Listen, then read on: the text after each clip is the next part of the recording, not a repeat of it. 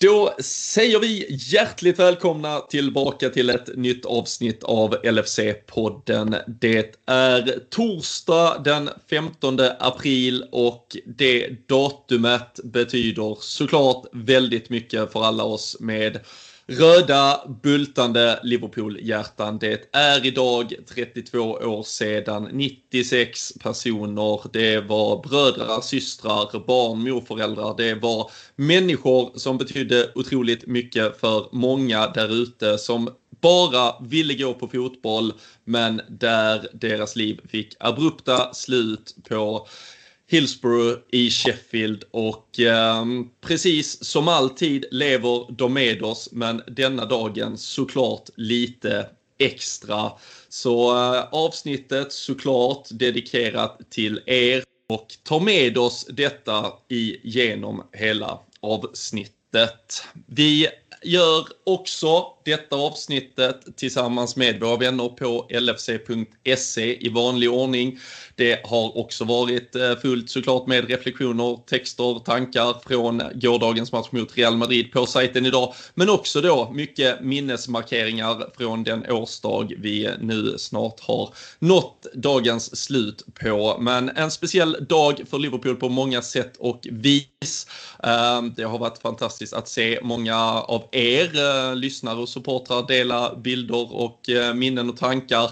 Och också såklart gamla spelare och annat. Men en speciell dag, en stor dag, märklig dag, det är en jobbig dag för många.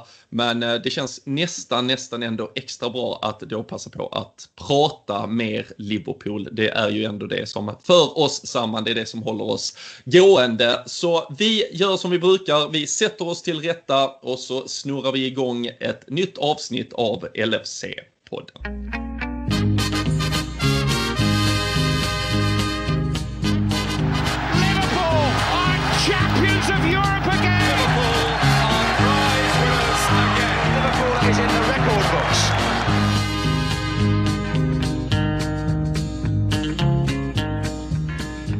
Och denna torsdagkväll så gör vi det dessutom tillsammans med en eh, kär gäst. Eh, Daniel Forsell får ursäkta, jag börjar inte i Borås djurpark ikväll utan vi flyttar oss ett par mil norrut där vi har med oss Kim Wirsén, eh, för kanske många känd som superproducent till Tutu Balutto, men för oss som sitter här framförallt en Liverpool-supporter. Men du får gärna också sätta ord på vem du själv anser dig vara. Ja, jättekul att vara med för det första i eh, Sveriges bästa Liverpool-podd. Ja, enda tror jag vi är. Nej. Ja, är, är det den enda? nej, inte riktigt ändå va Robin, så lite får vi, får vi väl knappa oss. det finnas. Ja, det finns säkert några. Ja, men det var fint. Jättekul, att, ja, jättekul att vara med i alla fall. Superkul. Kul att få inbjudan. Ja. Eh, nej, men det är väl som du säger ungefär. Jag, jag jobbar ju mycket med Tutu Balutto och sådär. Har gjort sedan sen starten. Eh, och det är väl där de flesta kanske känner igen mig ifrån. Eh, men eh, absolut Liverpool-supporter. Eh, först och främst kanske. Ja, precis. Hur, eh, hur eh, hade du det? Alltså, det, det, det, är ju oftast tur att i slutändan bli Liverpool-supporter, men samtidigt så är man ju en del av eh, sekten och, och allting. När, när liksom blev ditt Liverpool-intresse? När tog det fart på allvar? Det var när jag var väldigt liten. Jag minns faktiskt inte hur gammal jag var. Det enda jag vet är att jag liksom valde Liverpool för att jag tyckte de hade så snygga dräkter. Det här helröda föll jag för. Eh, det, det, det, det, finns ingen som föddes under Warrior-åren som kommer säga samma sak i alla fall. Nej, exakt. Fan, den, där lila, den där svart-lila vita tröjan, fan den var så jävla snygg så jag valde att hålla på Liverpool. Sitter någon ja, här om 25 år och säger liksom. Den här med, med tribal-armarna, det ja, ja. Kan, vara, kan ju vara några från Sjöbo kanske som blev skittaggade. ja, eller hur? Ja, det var, det var tider. Ja, det var tider. Nej, men det var väl så jag föll för dem från början. Men det var ju såklart väldigt liten. Eh, och sen har det bara varit Liverpool. Eh, I nöd och lust, jag på att säga. Det har varit mest i nöd då såklart. Men eh, det har varit en himla resa också. Och det är mm. alltid kul. Ja, men eh, verkligen.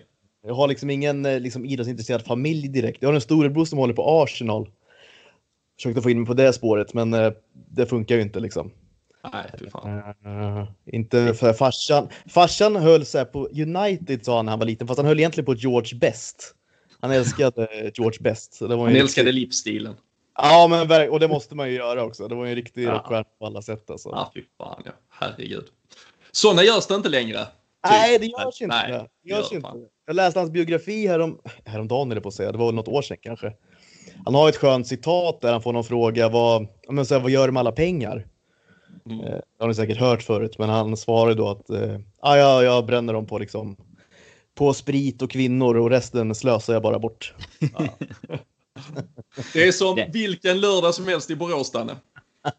Ja, men lite så. Nej, men jag tänkte precis säga, du sa att det inte gör så många sådana längre. Alltså vilka, vilka problem de hade haft eh, i, i dagens oh, ja. fotbollsklimat. Alltså så här, kä, käka sallad och räkna löpsteg och fettprocent och millimeterpassningar och, och alltså sådär. Och så bara kommer det någon lirare som bara är så jävla bra så ingen kan liksom ta det ifrån honom. Och så bara så här.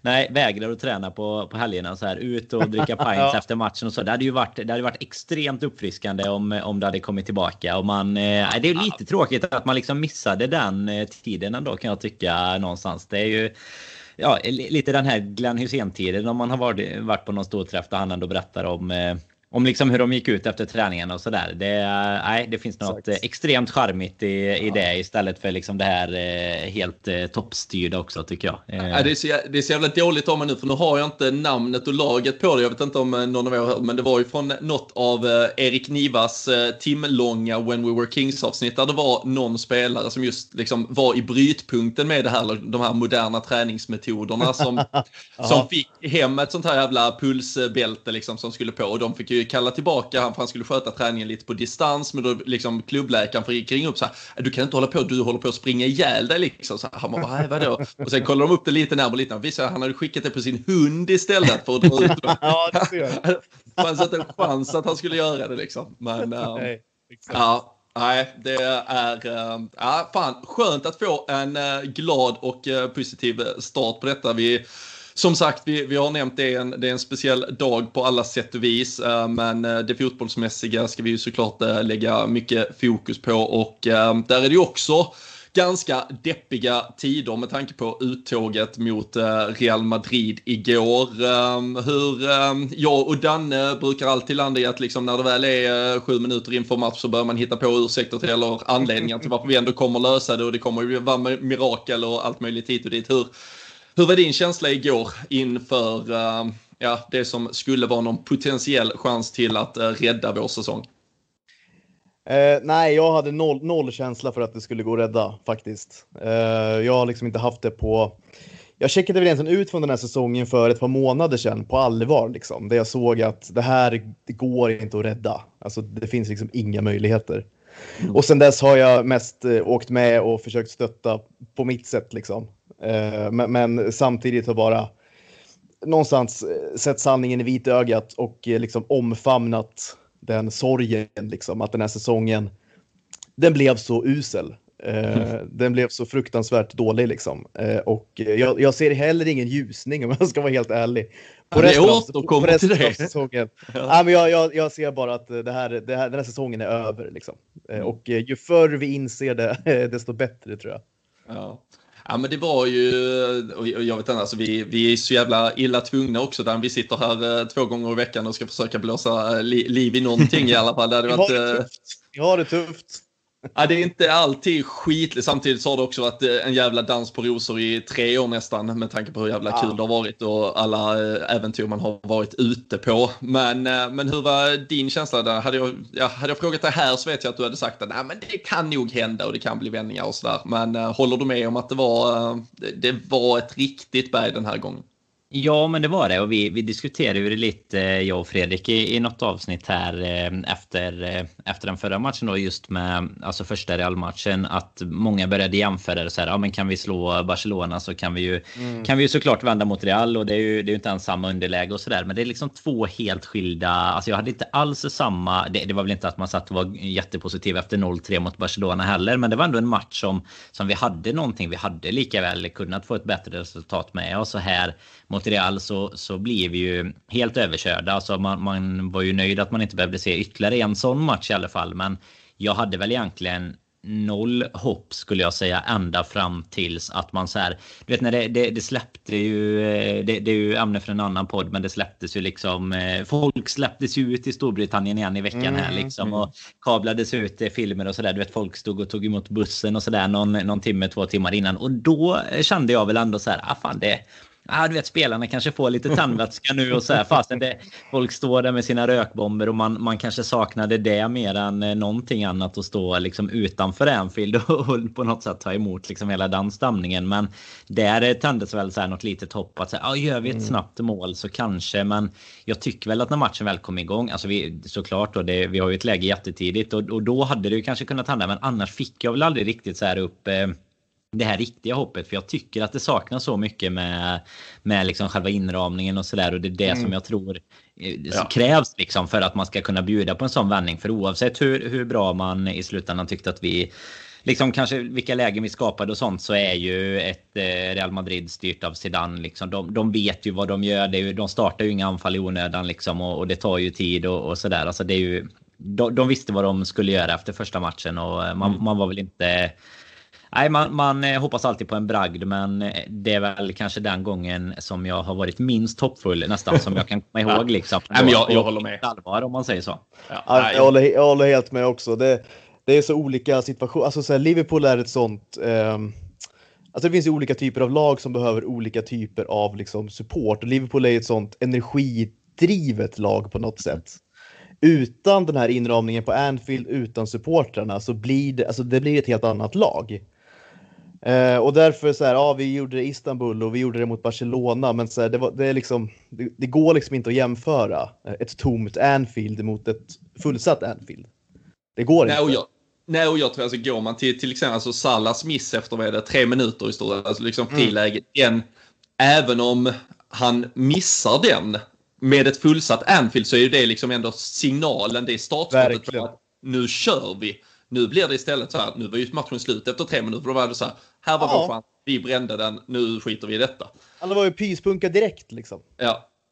Och det är ju där, det, det, det, det tyckte jag man märkte så jäkla tydligt på jag tycker ändå första timmen eh, och framförallt, det kan vi prata om, alltså James Milner på ett mittfält. Det är ju hemskt att han 37 år eller 35 år gammal är liksom kanske den som driver på oss i en mm. Champions League kvartsfinal retur mot Real Madrid. Men liksom han, han försöker få upp en energinivå men det håller liksom hela tiden bara så här en minut. Det håller liksom ja. aldrig längre. Det, det går inte att få det att hålla och det blir den här böljan liksom där vi kommer i våg efter våg och där där måste vi ju ha fansen uppenbarligen. Exakt. Och det är väl kanske, alltså, liksom säga, ja, det kan ju vara, jag, jag skrev någon liksom så här halvsyrlig tweet igår om att det är liksom Chelsea, Real Madrid, eh, PSG och Manchester City, så här, det kan inte bli äckligare liksom semi eh, kvartett som, som är i semifinal nu, men det visar väl lite det är inte lag som är, är byggda av att uh, fansen liksom river dem framåt utan det, det är liksom Nej. fyra jävla maskiner byggda med världens mm. bästa fotbollsspelare och världens bästa tränare på många håll och kanter. Och då räcker detta. Alltså, då, ja, då är det exakt, exakt. Superbra spaning. Det, det, är exakt det jag menar och håller helt med. Det, det, Liverpool är en sån, inte unik klubb, men i sammanhanget kanske ändå unik klubb. Liksom. Att, eh, utan det här kokande Anfield så, så har vi svårt att hitta energin och vi har svårt att mm. hitta, mm.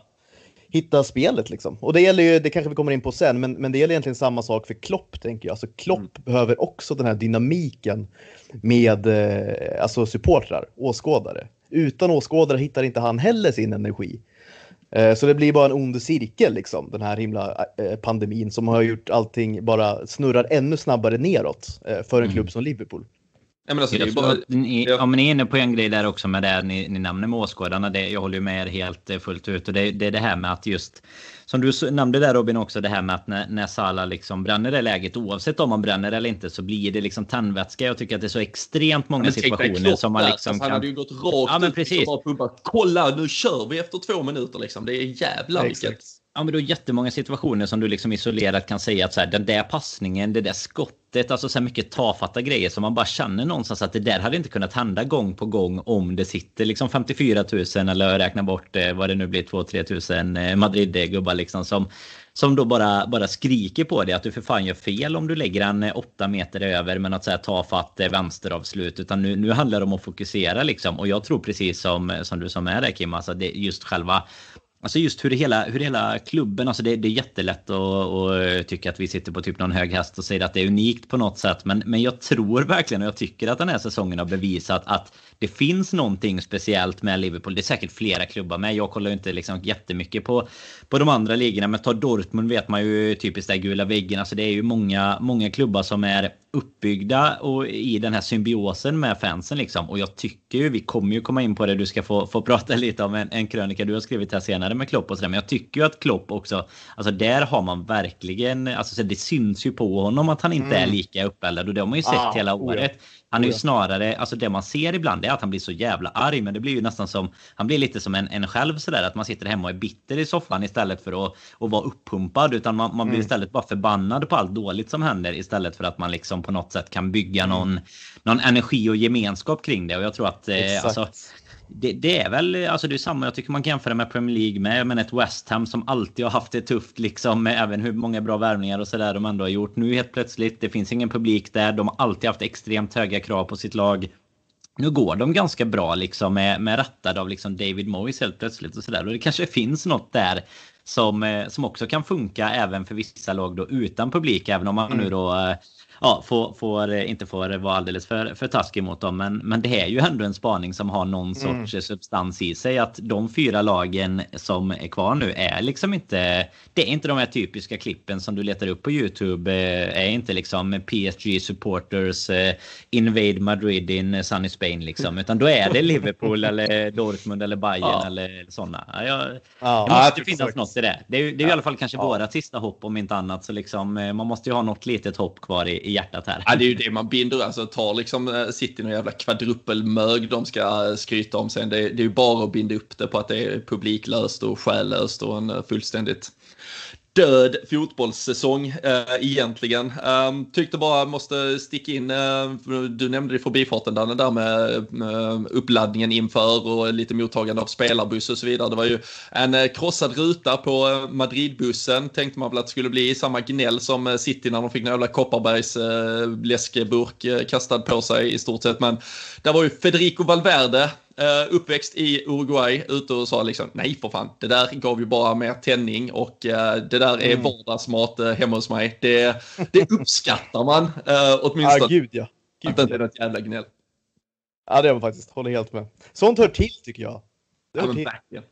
Och det var ju... Alltså, det var ja, men framförallt att man i alla fall inte försöker, alltså den grejen som det blev med City, det var ju helt, eh, alltså det, det var ju så orealistiskt. Liksom, det var ju, det var som att det var mordförsök liksom. Alltså det var ju sådana, det var ju de rubrikerna liksom och de försökte få det till ungefär handla om att det, det var därför som, eh, som Liverpool kunde gå vidare ungefär. Alltså det är ju, eh, här, här är ju lite mer naturlig reaktion så länge det inte är, är liksom så här bomber och sånt som det var på något, det var la Dortmund eller vad det var som Nej, hade någon så här sjukt. Jag tror det var någon fyraårsdag eller något sånt eller fem på det i igår, fyra års kanske. Uh, jag såg, såg något om det. det var i, de fick väl spela, spela de samma kväll, eller kvällen efter.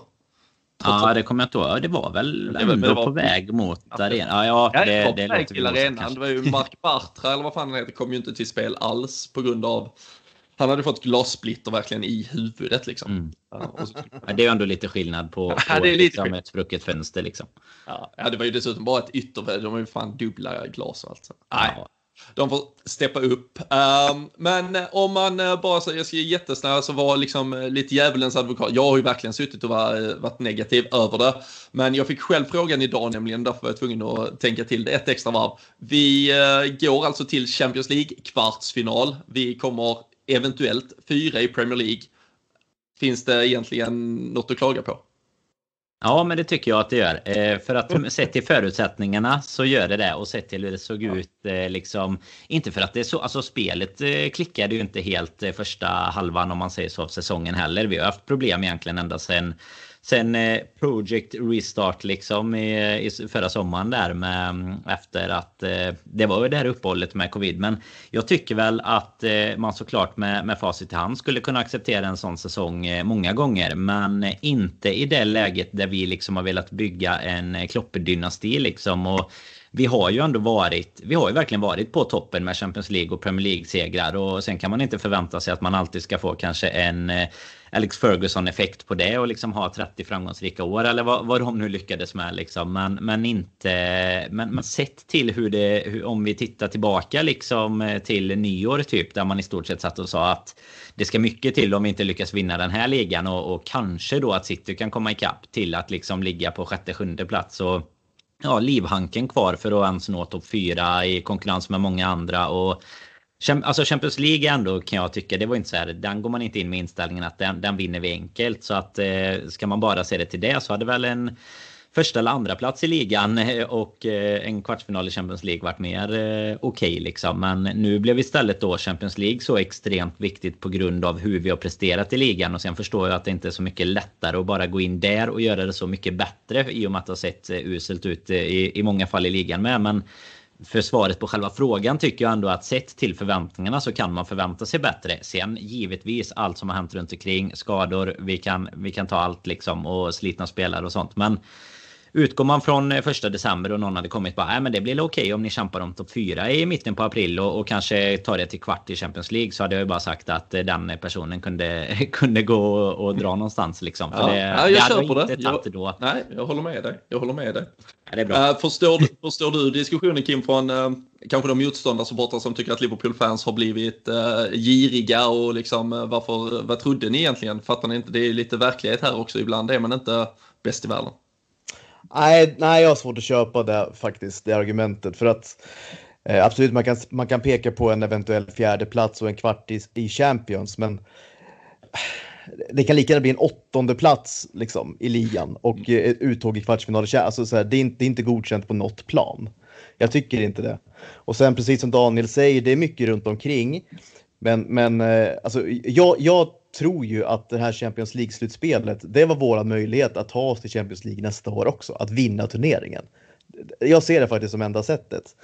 Um, och då, då, det, det, är en total fiaskosäsong. Liksom. Det är så det måste vara. Och då kan man prata om skador och så vidare. Men, men i mina ögon är inte Liverpool med alltså skador inkluderat. Det är inte en klubb som ska liksom harva på femte, sjätte, eh, sjunde plats. Liksom. Eh, vi ska ändå kunna slåss ordentligt om de här platserna. Och jag tror det blir jättesvårt att ta den där fjärdeplatsen för jag, jag ser inte samma hunger hos Klopp, hos spelarna, eh, samma motivation hos eh, ägarna som jag ser hos konkurrenterna. Eh, där det ser liksom piggare ut och eh, jag tycker de verkar hungrigare. Så mm. jag tror det blir jättesvårt för oss att, att ta den där fjärdeplatsen. Tyvärr alltså. Det har ju ändå blivit en situation där Leicester som för bara någon vecka sedan kände som att de hade ju stuckit iväg tillsammans med United där i något litet uh, two horse race uh, bakom City. Nu gör de sin mm. klassiska vårchoke så det är ju ändå Leicester West Ham i ordning nu och sen Chelsea och Liverpool. Uh, mm. Och sen är det ju även till och med lag absolut precis bakom som är involverade. Vilka, vilka tror du i så fall tar de två platserna som ändå är up for grabs? Jag, jag tror ändå att eh, det blir. Eh, jag tror ändå det blir Chelsea, Chelsea, Leicester. Chelsea, Leicester. Ja, jag tror det blir de två. Mycket handlar ju för Chelseas del om att i så fall komma, äh, gå rakt ut och vinna näst, ja, fyra raka mer eller mindre. De avslutar ju med United borta, Chelsea borta och Tottenham hemma. Uh. Ja, det är en tuff avslutning, men, men eh, det bytet de gjorde där med Tuchel har ju liksom blivit nästan hundraprocentigt. Liksom. Eh, och jag tror de har sån, så, så mycket energi att bara gå på just nu. Så att, eh, det är en optimal liksom, säsongsavslutning. Alltså, motst alltså motståndet emot liksom. Mm. Så, så säsongsavslutningen de ändå får nu är ju optimal på något sätt för dem. Ja. Ja, vi ska säga Chelsea, jag, jag sa Leicester men Chelsea har City borta, Arsenal hemma och så har de Leicester då och Chelsea där. Så det, men det, ja, det är, både, både Chelsea och Leicester har ju tuffare på pappret än vad vi har. Men de har väl också en annan form än vad vi har. Kanske. Exakt, exakt. Så, ja, jag, jag tycker också man kan lite i den, den diskussionen där kring eh, den frågan som du hade fått där gällande topp 4 och sådär. Där, det tycker jag vi har ju liksom suttit, vi har ju nöjt oss med det så många år under våra supporterliv liksom och verkligen varit ja. så mycket indragna i de här topp 4 racen. Kanske inte just mot Leicester och, och West Ham men liksom med med de här kanske främst då Big Six-klubbarna där, där man har roterat runt liksom på vilka det nu är som har, har tagit de fyra platserna. Och det är liksom, jag, jag tycker inte man kan eh, dra ner sin kravbild så långt när man har två så uh, gyllene titlar i, uh, mm. i bagaget. Liksom. Eller vi har ju ännu mm. fler uh, om man räknar med de här och lite VM för klubblag och sånt nu då om man nu ska, ska ta med dem. Men liksom, har man ändå varit där uppe på toppen så kan man ju inte på något sätt uh, vara nöjda med att vara indragna i ett topp 4-race mot uh, Brandon Rodgers och, och, David Moyes. Tyvärr är det ju så hur vi än vrider och vänder på det. Och vi ska ju snarare vara uppe ja, men någonstans kanske mellan City och United är ju minimikravet just nu. Alltså mm. att vi hade legat där och ändå så här haft en liten, liten chans på att eh, vara med och, och rycka i det även om City hade dratt ifrån. För de är ju ändå i samma, ja men på samma nivå liksom. Och, um, Nej, gällande, gällande den topp 4 så tror jag också att det blir extremt tufft. Och problemet är ju att det är precis de här lagen, alltså det ser ju jättefint ut för oss på schemat. Men det är ju de här lagen vi har, har haft så jäkla svårt att eh, ta oss förbi egentligen nu, mm. det sista. Mm. Ja, nej men så, så är det ju eh, absolut. Eh, det är ju, det är ju en avslutning mot eh, Southampton, West Bromwich, Burnley och Crystal Palace. Burnley, Burnley förlorar vi mot, West Bromwich kryssar vi mot, Southampton förlorar vi mot. Så Ja, det är spännande. Och så Fördelen vi... är väl kanske om de inte kommer något att spela för. Det är väl något av lagen där som kommer att. West Bromwich vet vi ju inte beroende på om de håller i sin fina form. Ja, som de, de kommer väl matematiskt de... kanske leva Ja, de bör ju nästan, tycker man dock, eh, nästan vara avsågade. Men det beror ju såklart på. Det kan hända mycket där nere med. Men, men det är ju ändå så att eh, spelar de den här lite mer... Eh, cyniska fotbollen liksom med och vet vad de ska göra mot oss och, och, vi fortsätter lite som, som Kim kanske var inne på där utan den här glöden som vi har varit vana vid att se innan. Då, då kommer vi ha problem med de matcherna. Då är vi bättre mot, eh, mot ett eh, Chelsea till exempel kan jag tänka mig som mm, ändå vill, mm. vill ut och spela fotboll även om det inte gick så bra nu mot dem senast. Men vi skapar ju ändå mer i en sån match än vad vi gör mot typ Fulham hemma liksom. Mm. Så eh, Nej, det, det är väl bara att hoppas att eh, ja, återkomsten nu av Diogo Jota till exempel kan ge lite mer ja, lite mer alternativ där fram och liksom lite mer eh, glöd och hunger på att få behålla sina platser. För det, jag tror att det är det som, som måste till. Backlinjen och de här skadorna, det behöver vi inte tänka på så mycket i de här matcherna egentligen. Utan nu är det ju nu är det vad som händer framåt som kommer att avgöra de, de sista sju omgångarna här. Mm. Ja, nej, så är det absolut. Ehm, jag tänkte bara Kim, med, med tanke på liksom du känner om man eh, checkade ut för, för någon månad sedan eh, i stort sett. Eh, och alltså inra, alltså vi har ju pratat, det har vi pratat om liksom till ända här, liksom tomma läktare, VAR som gör sitt. Det har varit ett energilöst Liverpool. Är det några spelare, någonting du liksom har varit ändå extra besviken? Är det något som liksom har fått dig att bara känna nej, vad fan händer här liksom? Alltså det är ju inte många spelare man kan plussa egentligen alltså. Nej, det var därför jag kände att det blev för lätt att ge dig. ja, men det är Sala, typ. Ja. ja, det är typ Sala som har hållit någorlunda nivå och hängt sina kassar. Även om jag tycker han kunde gjort fler mål. Men eh, han har gjort sina kassar ändå. Han har gjort sina kassar. Eh, sen tycker jag inte, alltså så här, vänsterkanten är väl generellt, liksom, tycker jag inte alls har funkat. Mané har varit eh, riktigt under isen långa perioder. Robertson har inte kommit dit. Eh, Salah har egentligen varit själv på sin högerkant. Inte, Trent har varit, han har liksom hämtat upp sig någorlunda, men han gjorde också en hädisk liksom, säsongsinledning mm. eh, på alla sätt.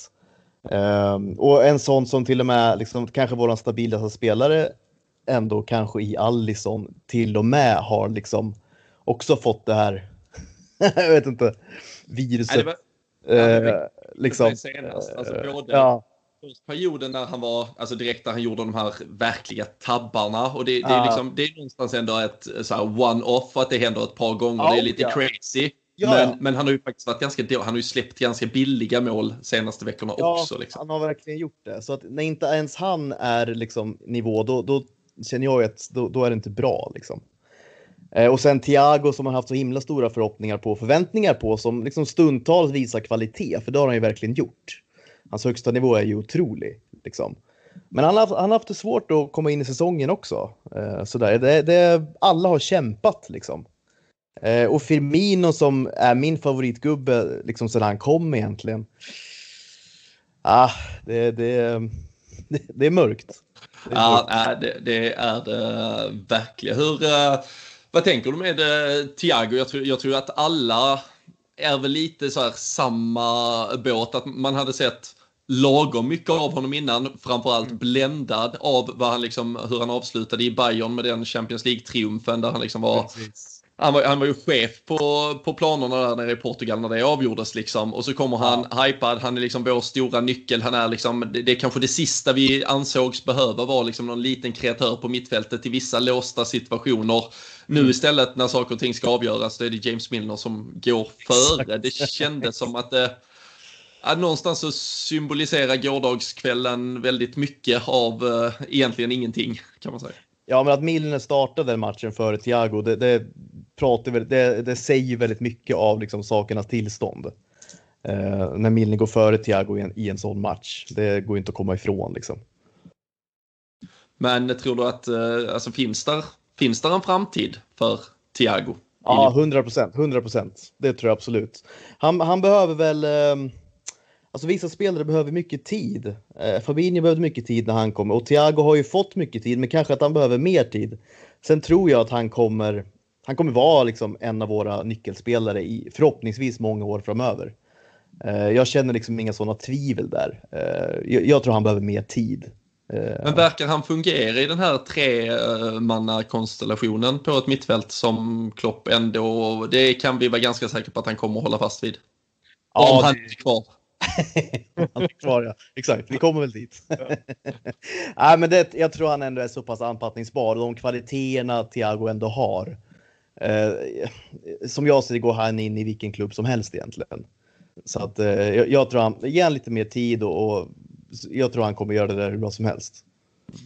Jag som definitivt inte har varit hans eh, största fan liksom sen, sen han kom. Och det, det har vi ju, eller det är väl ingen som har varit egentligen av hans insatser i våran tröja såklart. Men jag Nej. tror väl att det man hade velat se av eh, honom, eller det, det, man vill se av laget snarare med honom i, det är ju att man hade velat se ett lag som presterar lite bättre som kollektiv. Man ser en van Dijk bakom.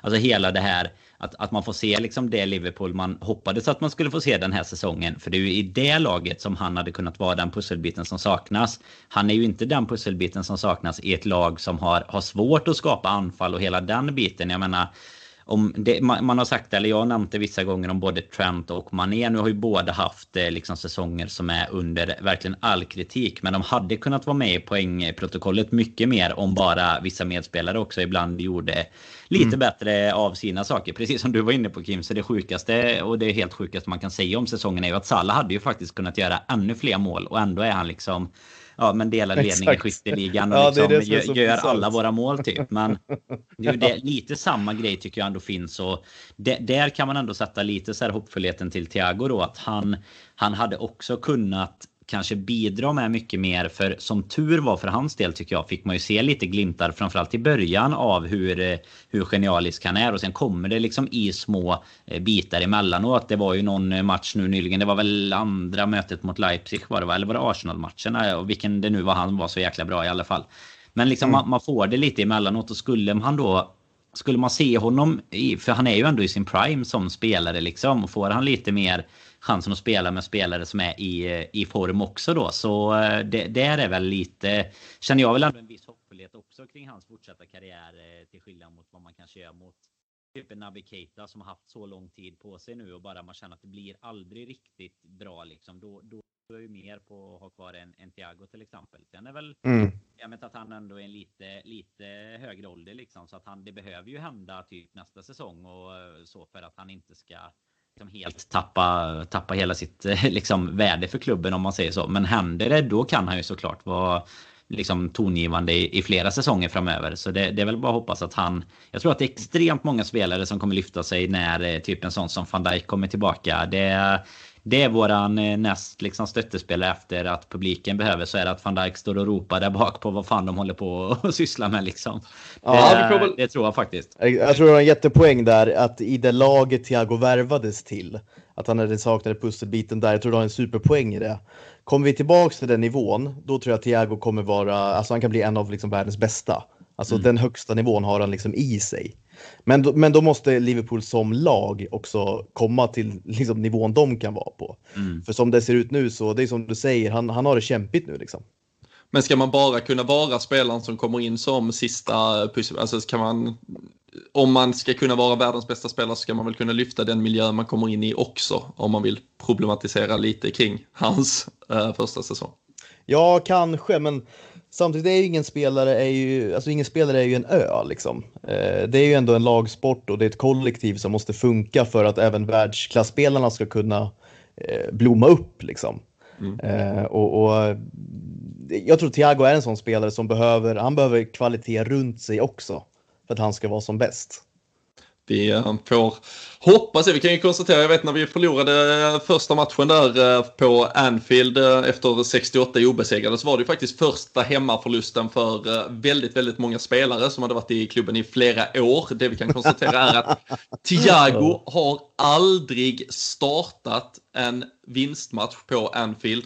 Han har nu tre chanser kvar, annars går han alltså igenom en säsong första debutsäsong i Liverpool-tröjan utan att starta en enda vinstmatch på Anfield. Det är, är det är en uppförsbacke. Han har Newcastle hemma, Southampton hemma och Crystal Palace hemma och lösa det på. Fixar han det? Ja, det är ju, frågan är om man startar om, eh, om gamle Milner. Om gamle Milner har eh, ångan uppe så, så vet vi fasen. Nej, men det, det är ju helt otroliga stats såklart med tanke på vilka, vilken statistik vi har vant oss vid de senaste åren. Det har ju snarare varit att eh, Mané har förlorat fler matcher på Anfield i andra tröjor liksom än i, än i Liverpool-tröjan och sådär på fyra år eller någonting. Men nej, vi får väl hoppas för Thiagos skull att han får ja, att han får någon av de matcherna från start i alla fall. Och, och någon av dem ska definitivt vara seger i alla fall. För, för blir, blir inte det och han startar då, nej, då är det dags att skeppa bara efter säsongen. Startar han ja. de tre och vi förlorar de tre då, då finns det inget försvar kvar sen. Ja, det är bra. Då får han bära hela hundhuvudet. Han bär allt ansvar. Ja, ja, oavsett ja, det, det är väldigt talande för säsongen också att liksom Thiago blir liksom boogieman för Liverpool när han kommer in vinner inte en match hemma. Liksom. Det, det är otroligt talande för, för vad den här säsongen har blivit. Finns inget mer skaus heller att när summeringen av säsongen så är det Nat Phillips är den man liksom älskar mest och Thiago är den man stör sig på mest. Ja, det, ja. ja. Men så, så är verkligheten och eh, det är den vi får förhålla oss till. Eh, vi behöver inte gå in och prata så mycket matchen i detalj i övrigt. 0-0 blev det mot Real Madrid. Vi har väl tagit oss ganska långt ifrån den visserligen. De är vidare, som sagt, möter Chelsea i den ena semifinalen. Det är Manchester City mot PSG i den andra. Det betyder väl att man helt enkelt kan zooma ut, precis som Kim gjorde från Liverpools säsong för ett par månader sedan, kan man zooma ut från eh, Champions League nu. Välkomna! Med, Ja, vi, eh, vi sätter oss. Eh, du får gärna skicka tips på vad man gör istället eh, för att fokusera på denna jävla fotboll. Och för Liverpools del så väntar ju faktiskt det måndag kväll först. Vi spelar Premier League igen. Det är mot Leeds. Vi kommer ju såklart tillbaka efter den matchen, men det finns inte jättemycket redan här och nu att snacka upp. Istället så tänkte vi ju såklart ta. Jag tyckte det var jäkligt eh, intressant och bra. Ni har ju lanserat, eh, kan vi väl säga då, tutubaluttu.se. Mm. Det finns mm. i ja, eh, skriven form också. Ja, kan man väl kort summera det som i alla fall. Men samlar lite allt möjligt här. Ja, men det skulle man kunna säga. Vi har länge velat göra en, en sajt helt enkelt med fokus på innehåll eh, och bra texter och vassa pennor. Vi har väl tyckt att det, det finns bra kvalitet där ute, inte minst bland liksom eh, lag, eh, ja, svenska fans och så vidare. Det finns mycket kvalitet och, och det startas upp egna sajter, men vi ville ha en liksom, samlingsplats där vi kan hitta med vassa pennor som kan skriva både djupt och brett, men även liksom eh, kort, koncist och, och, folkligt. Alltså allt möjligt liksom. Det ska vara en plats där alla kan hitta någonting är tanken. Så den lanserade vi nu för eh, ja, en vecka sedan nu. Och det har blivit ett, ett väldigt bra gensvar hittills. Har det blivit, så det är ju superkul. Till och med eh, någon form av eh, lite live-varianter ibland och sådär också va? Ja, det har blivit några live-chatter. Ja. ja vi, eh, det är mest Thomas Wilbacher, han älskar ju att hålla på med det där. så han har ju gått all in på det där ja, men det är fint. Men där, jag såklart liksom ser vad ni gör och hade full span på grejerna. Men blev därför också glatt överraskad när jag förstod att eh, du hade satt eh, ditt namn på en eh, text där inne och hade ju inte läst dig så mycket tidigare och det var ju en text som jag tror ändå är liksom delar en känsla som många har och precis som du också skriver, man kanske inte vill behöva tänka tanken, men många har ju kanske gått i alla fall liksom den enkla 1 plus 1 matematiken i att Klopp liksom gjorde ett jävla energijobb med Dortmund framförallt. Det blev pyspunka på slutet. Tänk mm. om historien upprepas i Liverpool. Eh, mm. Din text fördjupar ju lite att det här faktiskt har skett tidigare och så vidare. Jag tycker man ska läsa den och vi har länkat ut den. Men eh, det du ändå landar i är att detta kanske är slutet för Jürgen Klopp i Liverpool och eh, det vill man ju såklart gärna höra dina utvecklade tankar kring. Ja, nej men det är som du säger. Att jag, jag tror verkligen det här är, alltså om det inte är slutet så är det i alla fall början på slutet. Mm. Eh, och, och, jag har ju fått en del reaktioner på den här texten, men jag tror också folk har missuppfattat lite vad jag menar. Eh, dels så finns det en, en, en, missuppfattning om att jag skulle liksom, jag hänger Klopp med den här krönikan. det är inte alls det jag gör. Jag älskar Klopp. Liksom. Jag dör för Klopp. eh, verkligen. Så jag och alla andra Liverpool-supportrar.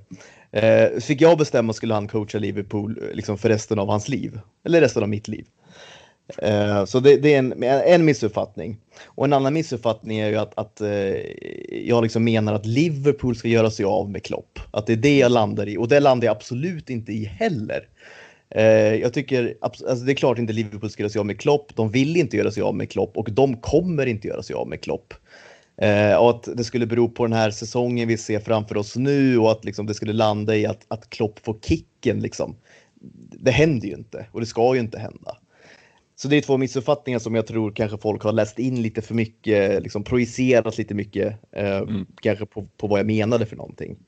Eh, utan det jag menar är ju att, att jag, jag, tror att, att Klopp kommer lämna snart liksom, och att det är han som väljer att lämna och att det är 100% hans beslut. Mm. Eh, och, och, jag har kikat på, och det är inte bara jag som har gjort, men, men det går ju att se liksom tydliga mönster i hur det har sett ut tidigare i hans klubbar. Eh, och, och, det mest ytliga exemplet är väl just de här liksom, sjuårsperioderna han ändå har jobbat i, både i Mainz och i, i, i Dortmund. Och vi närmar oss nu eh, det sjunde året i Liverpool och så här, är det ett mönster? Ja, det är ett mönster. Hur ska vi tolka det mönstret? Ja, det är upp till diskussion. Liksom. Mm. Eh, jag tolkar det som att, att jag tror det är början på slutet nu. Eh, Sen kan man ju gå, gå lite djupare också och kika på hur det har sett ut då under de här sju åren. Vad har de åren haft för mönster i sig själva liksom? Och, och då kan man ju se både, både egentligen i Mainz och i Dortmund att, att eh, alltså Klopp är ju mycket av en projekttränare liksom. Det är, man pratar mycket i Italien om, om lag som projekt och det är, det är många som inte tycker om det, kanske ordvalet, men, men jag skulle säga att Klopp är en typisk projekttränare. Alltså han ser sina lag som projekt och han ser dem ganska långsiktigt. Det vill säga han behöver, han behöver tålamod och han behöver liksom förtroende. Han behöver tålamod i att han behöver tid på sig för att få sina idéer att funka. Eh, och han behöver också förtroende i det att han kan värva in liksom de lagdelarna, rollspelarna som han tycker ska, ska, ska vara med i hans, eh, i hans tänk. Eh, och det har han ju fått i Mainz och det har han fått i Dortmund och det har han inte minst fått, fått i Liverpool. Eh, men, men det är också intressant om man går lite djupare här och ser hur har, hur har det sett ut liksom? För i början har han, han har fått tid att bygga, han har fått det här tålamodet, han har fått förtroendet. Det vill säga han har byggt långsamt, han har byggt eh, eh liksom med, med stort tålamod egentligen. Han ger spelare tålamod och han ger sina idéer mycket tålamod. För det tar tid att liksom implementera liksom sådana tydliga idéer ändå som, nu kanske, nu reducerar vi ofta hans liksom, idéer till gegenpressing och så vidare, men det är så mycket mer än så. Mm. Men, men, men det är i alla fall en väldigt krävande fotboll han, han spelar och det tar tid att implementera i ett lag. Liksom. Um, men, men det som är intressant är hur det har sett ut när han har fått tålamod, för då har också framgången kommit. Det gjorde det i Mainz. Han liksom kunde till slut få uppflyttning. Han etablerade ändå Mainz under ett par säsonger som ett, som ett ganska stabilt mittenlag. 10-11 någonting liksom. Ehm, och, och, innan han drattade ur då. Ehm, mm. Och det är det som är, för, för det, det, är också ett mönster då att efter när framgången kommer så kommer också bakslag. Det kommer misslyckanden. Ehm, och det gjorde det i Mainz när han åkte ur. Det gjorde det i Dortmund efter att han slog liksom rekord med, med det rekordunga laget han hade som vann ligan. Han slog poängrekord och så vidare. Men det blev också en, en och Champions League-final och så vidare. Men det blev också en backlash innan han lämnade. Och jag tror ju att, att vi ser nu i Liverpool, vi har sett den första fasen, uppbyggnadsfasen, eh, där han har implementerat sina idéer och gjort det väldigt bra. Och han sa väl det, liksom, ge mig fyra år. Och han fick fyra år och han vann titeln. Um, och han har varit där uppe och, och, och, slagits, gjort det jättebra, dubbla Champions League-finaler, en vinst. Mönstret jag ser nu är ju backlashen och då blir jag mm. liksom mm. orolig. Uh, och, och då, då, börjar jag redan spåna vidare på vad betyder det här nu då? För det är, det är klart en backlash vi ser nu. Uh, och, och, jag tror ju att uh, jag, jag, tror att det är lite pyspunka nu, precis som det blev pyspunka i Mainz, pyspunka i Dortmund, så ser jag liksom den här pyspunkan komma nu och att den har mm. kommit. Uh. Det, det jag bara tycker är skillnad, för jag, alltså jag, jag förstår helt var du är i liksom de tankebanorna och jag köper det här och visat här framförallt redan för ett par månader sedan när, när det uppdagades liksom hans alltså, privata situation med hans mamma hade gått bort och liksom mm. det hade, verkar vara jävla tuffa mentala tider för honom rent generellt. Och det kom ju dessutom så här väldigt oseriösa rykten. Men det började liksom för första gången någonsin så kom det liksom ändå tisslandes med att ja, men han Exakt. kanske funderar på att lämna. Och då, då satt vi och diskuterade. Någonstans så hade man ju man hade nästan förstått alltså liksom att fan det har kanske blivit för mycket, han kanske är trött på det och då hade man förstått. Och framförallt om vi då går tillbaka till var vi började hela avsnittet med att prata om vad hade, kunnat, vad hade publik kunnat göra för att få mm. hans lag och hans melodi och hans liksom, tankar att fortfarande ge de resultat man vill ha. Jag tror, jag tror helt ärligt, hade de sagt till honom, eller liksom hade regeringen kommit med besked så här, nej vi kör tomma läktare nästa år också, alltså då, då tror jag han hade liksom mm. hängt kepsen om, mm. alltså på en kvart liksom och bara säga, nej men då skiter jag i detta. Alltså det, det går mm. inte längre. Jag hoppas och tror att skillnaden, dels att han han vill inte lämna det så här. Han vill inte lämna det med liksom lite skit ut bakvägen och fan det blev inte så bra av allt bra vi hade byggt upp. Han vill ha tillbaka fansen, han vill göra det igen, han vill visa att vi kanske kan slå tillbaka. Och jag tycker ändå, som jag minns det i alla fall, så var det ändå, där fanns ändå ett, ändå lite så här, det börjar ändå sippra lite missnöje i Dortmund på ett annat sätt och att sportlig, sportsliga ledningen också själva ifrågasatt, är kanske inte Klopp längre rätt man för oss. Och har han inte förtroende, då kliver han ju direkt. Alltså då är han ju helt fin med att göra det. Jag mm. tror att det är skillnaden. Det kan också vara bara mina drömmar som jag hänger Nej, upp. men jag, jag, jag, tror, jag håller med. Nej, jag, jag tror faktiskt det är skillnad. Jag tror han har liksom 100% i backning från, från liksom sportsliga ledningen. Det tror jag verkligen. Från ägare, från spelare och från oss supportrar. Där har han liksom backning, utan, utan jag tror att det är helt och fullt liksom upp till honom och hans motivation och hans vilja. Och jag tror inte heller att han skulle lämna nu. Eh, han, vill, han behöver ha tillbaka support. Han, han är, alltså Klopp är en idealist också. Mm. Klopp vill ha sin fotboll, alltså det ska vara supportrar på läktarna, annars är det inte fotboll. Liksom. Eh, så ser jag mycket Klopp. Så det, det, är klart att han kommer ha... Eh, det är som du säger tror jag, skulle, skulle det bli nu liksom lockdown även nästa år, ja, då kanske det blir för jobbigt för han. Annars så kommer han ju liksom absolut inte kliva av innan supportrarna kommer tillbaka. Det kommer han inte göra. Nej, nej, det tror jag. Nej, det, det tror jag absolut inte heller. Och eh, däremot så börjar jag få mer och mer svårt för han. Eh, det är kanske också för att han bara känt att han har, eh, han har verkat så uppgiven den här säsongen. Att han inte kommer ta något annat jobb. Jag vet att du nämnde i texten liksom det tyska landslagsjobbet är ju up for grabs nu här men det mesta tyder väl på att det blir ändå hans i Flick som tar det och då ska väl Nagelsmann flytta till Bayern kanske så det, det öppnas inte liksom något naturligt jobb för honom och eh, börjar mer och mer känna att han kanske han kör det här racet med Liverpool och sen, sen är det dags att liksom ligga på solstolen och njuta ja. av livet lite. Ja, jag har exakt samma känsla. Det, det, jag, jag, tror han kanske, jag tror han kanske har ett jobb i sig till. Jag jag spekulerar i tyska landslaget trots allt liksom. Jag kan mm. inte se honom ta ett annat klubblag. Alltså, så här, vad ska han uppnå? Ja, men då är det så att gå tillbaka till Mainz eller något sånt. Ja, och det, ja, exakt. Och det, jag ser liksom inte det hända. Jag, då hittar han på något annat tror jag. Liksom. Um, så att jag hoppas ju så här att tar han inte tyska landslaget, men den chansen försvinner, då hopp, alltså jag hoppas ju att vi, att vi har en Klopp-dynasti i oss fortfarande liksom, mm. i Liverpool. Det är ju det jag hoppas. Jag, jag hoppas ju att jag har fel. man hoppas man alltid... Han väl, ja, men troligtvis är han väl jäkligt sugen som ni ser på en, en och annan Erdinger med det sponsoravtalet och få några plattor till stranden och lägga sig där och, och njuta lite bara med solbrillorna och kapsen på egentligen. Men eh, jag tycker ju det, alltså texten är, är till att börja med skitintressant Kim tycker jag. För att grejen är så här, alltså har man någon gång uppskattat typ expected goals eller någonting då, mm.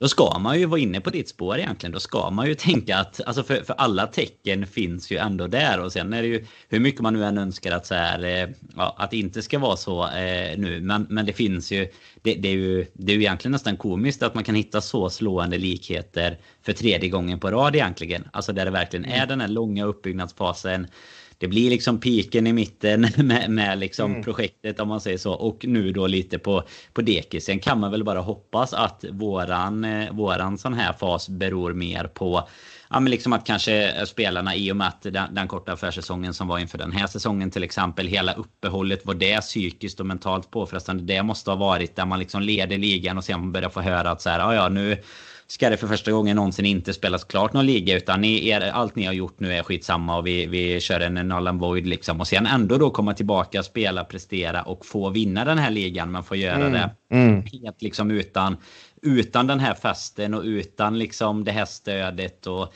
liksom, ja, Klopp själv så här, we're gonna party when, when we can liksom. Jag menar nu är det ju för sent, vi kan inte köra en parad om vi kommer sjua detta året liksom. Då kan vi inte stå där och, och sjunga sångerna utan nu kommer vi ju bara vara nöjda bara för att vi överhuvudtaget kommer kunna, kunna komma på plats igen ungefär. Men jag tror ju att det, alltså det kommer vara jäkligt spännande att se. Men jag tycker ju att eh, jag har ju sett lite vad du har fått för reaktioner med och det är klart att många, många hänger ju kanske en jäkligt tidigt egentligen kanske utan att lägga så mycket grund vid vad man skriver egentligen utan bara ungefär. Ja, folk läser ju inte ens hela. Alltså, folk, ungefär, folk, läste förståeligt.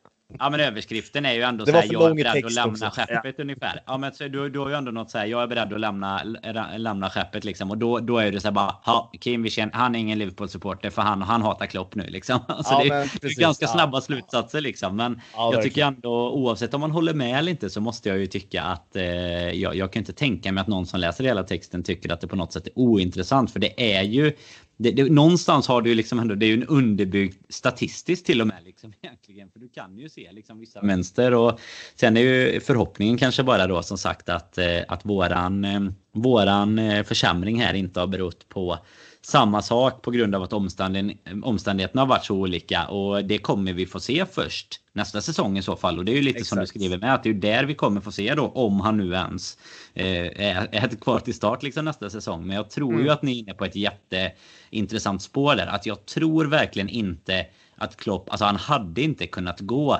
utan att liksom få säga hej då till fansen. Alltså då har vi ändå vunnit ligan och hela den grejen. Vi har liksom inte, fått, vi har inte fått stå på Anfield och sjunga om det än. Så att det kommer inte hända tror jag inte. Så i alla fall nästa säsong och sen får vi ju se därifrån. Skulle det bli ytterligare en typ sån här säsong. Alltså att det här spelet, alltså vårt system som vi har byggt allt på liksom. Vi har ju varit inne på det så extremt många gånger att vi har ju, vi har ju ett system som fungerar och vi har ju ingen jättebra plan B liksom som det är just nu i alla fall. Och extremt intressant att se hur, hur en nästkommande säsong blir. Och det är väl bara att säga då Robin att vi har ju satt oss i samma båt. Vi har zoomat ut och vi är redan i, i augusti. Så jävla gött ändå det känns. Ja, jag följer, jag följer, följer Thiagos eventuella hemmastatistik. Det, det är där mitt uh, fulla fokus ligger.